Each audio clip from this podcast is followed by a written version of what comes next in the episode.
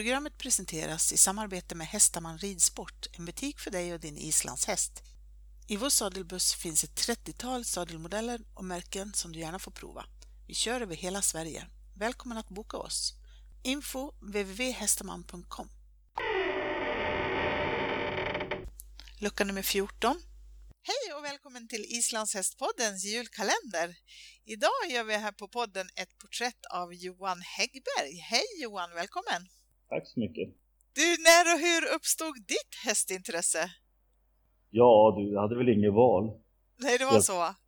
Ja, nej, min, min familj tillhör ju pionjärerna i den här mm. branschen, eller jag säga. Så att, eller sa jag faktiskt. Så det, vi skaffade ju massa islandshästar i min familj när jag var tre fyra bast.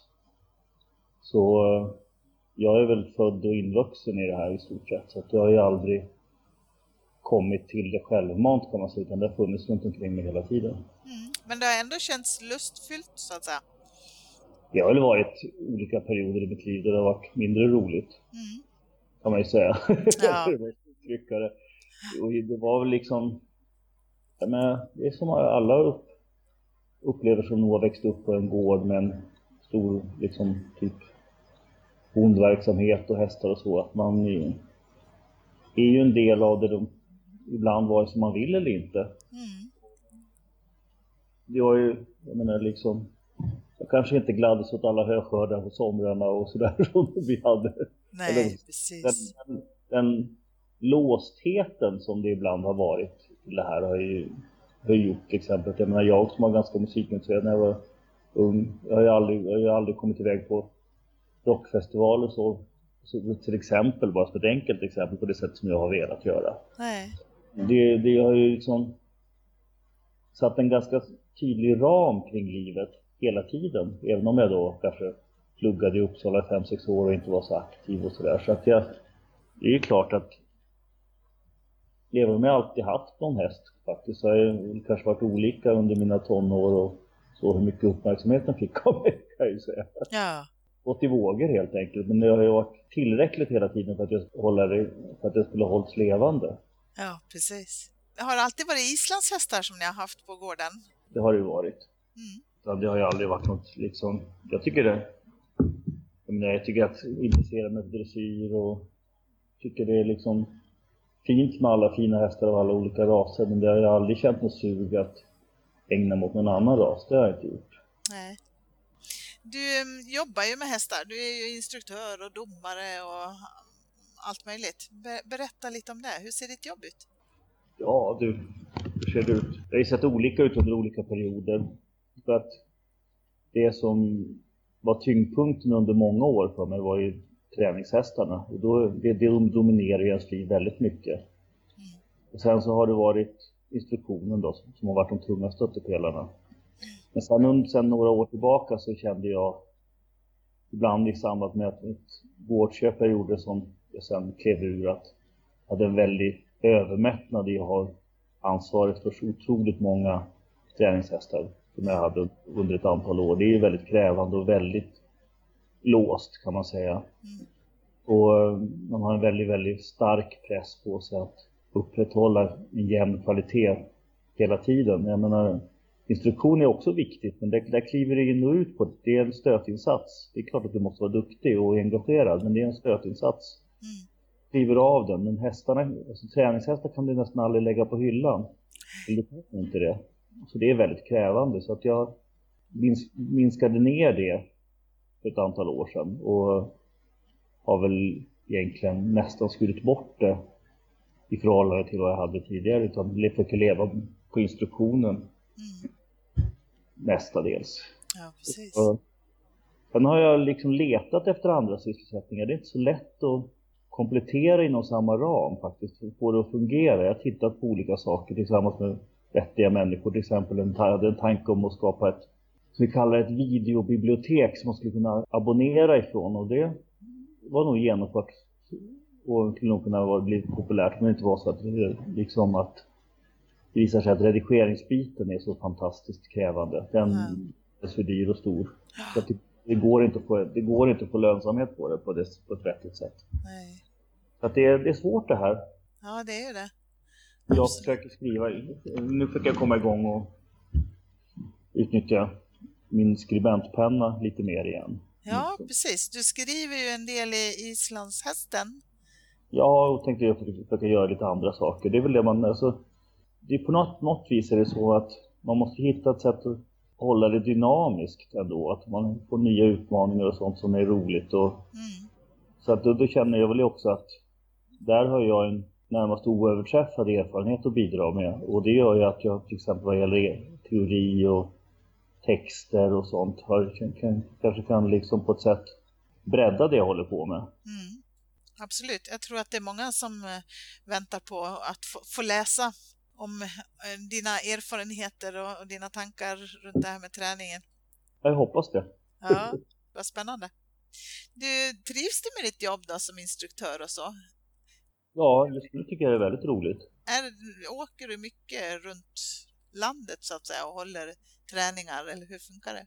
Ja, det kan man säga. Jag, när jag försökte komma, eller försökte, när jag, jo men det var- det var väl ett försök kan man säga lite till att börja med. När jag kapade träningshästarna för att komma igång med att instruera så var det lite svårare än vad jag trodde för att tidigare när, när jag hade mera kurser under en period då var det lite som ett självspelande piano. Man behövde inte anstränga sig. Det var en, det var en relativt liten konkurrens. Men sen så kom jag på när jag försökte komma igång igen att det var mer konkurrensutsatt än vad jag trodde. Så att det var lite trögare. Mm.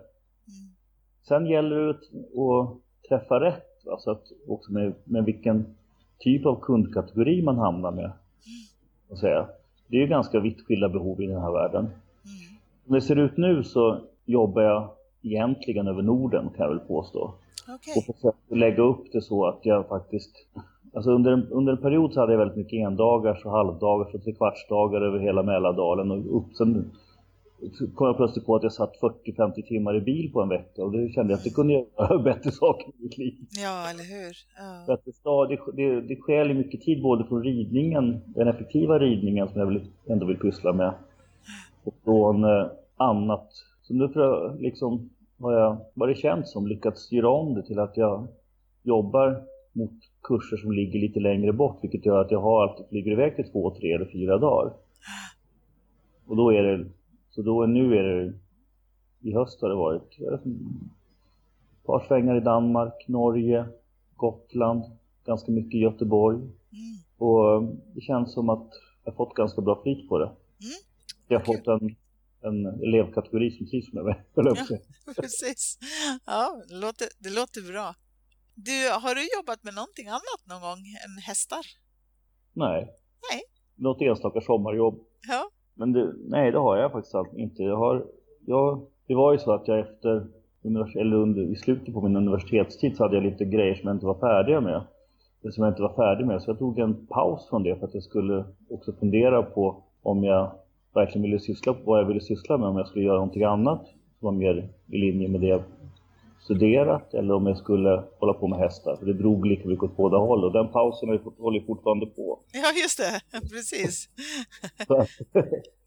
Och jag tror att det ska mycket till innan, innan jag tar ett jobb, höll jag på att säga. Om man var skött sig ändå, även om, om att vara egen företagare är ju blandning och vara väldigt fri och, och väldigt bunden, så är det ju någonstans ändå så att man är sin egen chef på gott och ont. Och det, jag tror att där är det nog svårt att lära en sån gammal hund som jag är och sitta vid det här laget. Så att jag har svårt att se hur jag skulle gå in, ingå i en, i en annan, någon form av liksom, reell anställning om det inte liknade väldigt mycket det jag ändå är van att hålla på med. Ja, precis. Så jag tror, jag tror att det, det här i en eller annan form fortsätta tills jag trillar av pinn. För jag tror att någon pension, det får jag inte. Nej, okej. Nej, du har mycket att ge också. Det är många som vill träna för dig, förstår jag. Mm, jag hoppas det. Du, ehm, om det inte hade varit hästar du hade jobbat med, vad tror du att du hade jobbat med då? Liksom, vad, Jag- vad var det du pluggade för någonting? Var det... Jag tror att mitt liv hade sett väldigt annorlunda ut. Ja, Och det jag hade tänkt är att jag pluggade ju allsköns humaniora på Okej. universitetet med, med framförallt min inriktning, alltså egentligen min inriktning mot litteraturvetenskap kan man ju säga. ja, ja. Jag pluggade en del engelska, men det gjorde jag mest för att komma åt den engelska litteraturen. Så det jag tänkte mig var ju faktiskt att jag skulle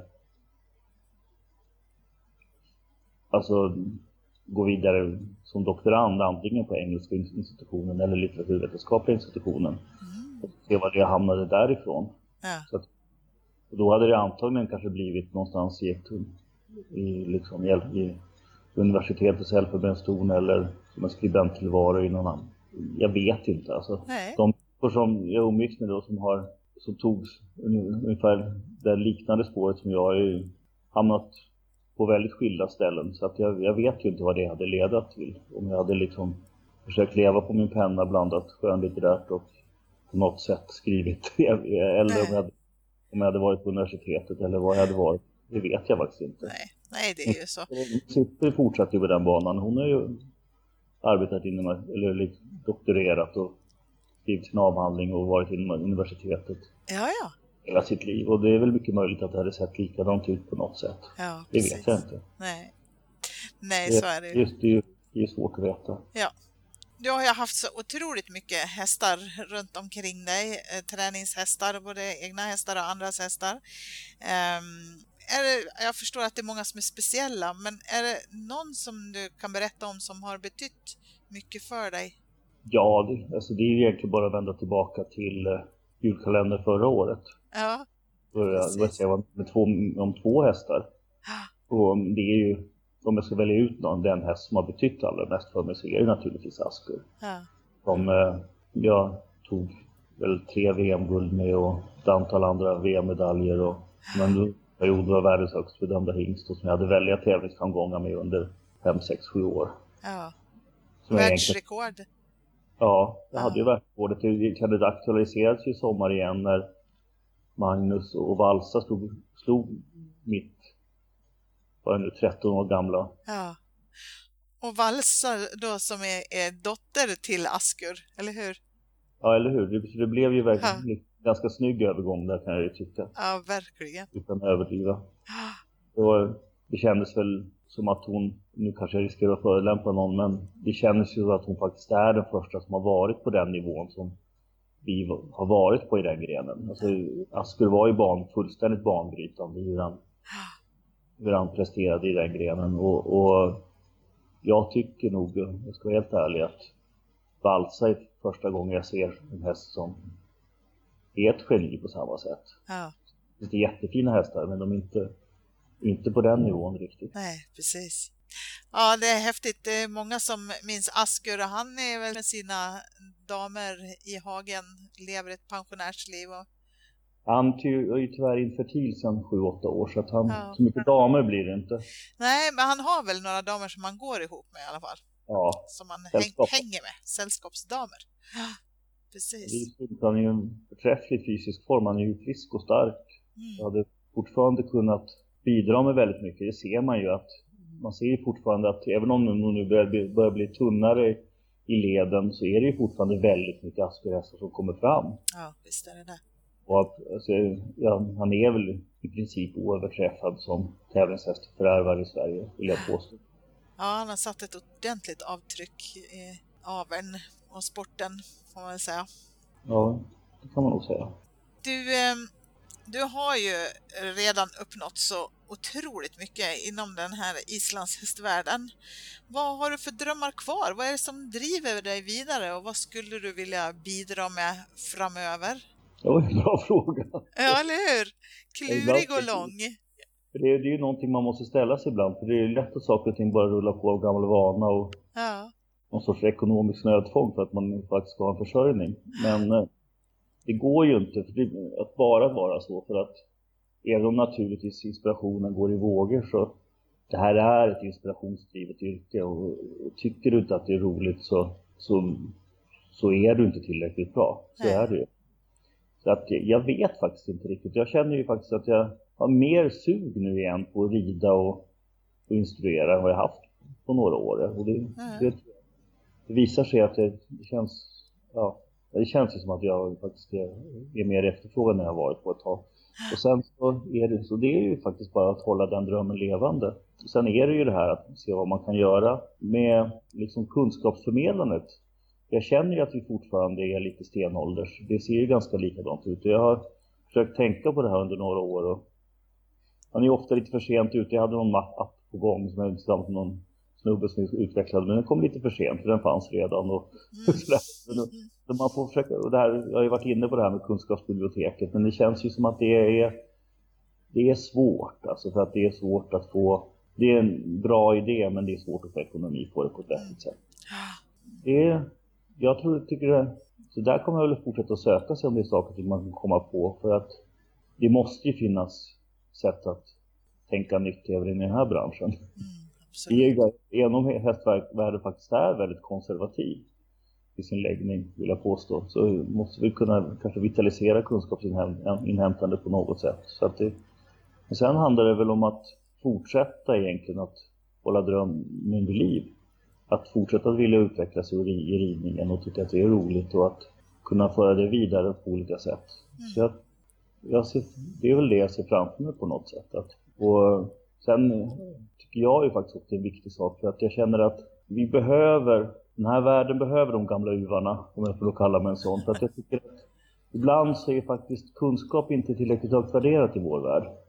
Och det är väl någonting som jag skulle vilja se lite ändring på. Mm. Att eh, det, är så många, det är så många olika anledningar som driver folk till islandshästarna. Det är ju så att eh, det gör att mekanismerna i världen ibland blir lite slumpartade. Och där skulle jag tycka att det är roligare, roligt om kunskap kunde få en rejäl benhås kring kan jag tycka. Ja, precis. Kommer du att fortsätta att äh, döma och så här under nästa år? Och... Ja, det kommer jag göra. Jag sitter ja. och försöker få ihop den här våren. Det är ganska svårt. Det är, det, när jag dels tävlar med faktiskt förhoppning och ja, precis.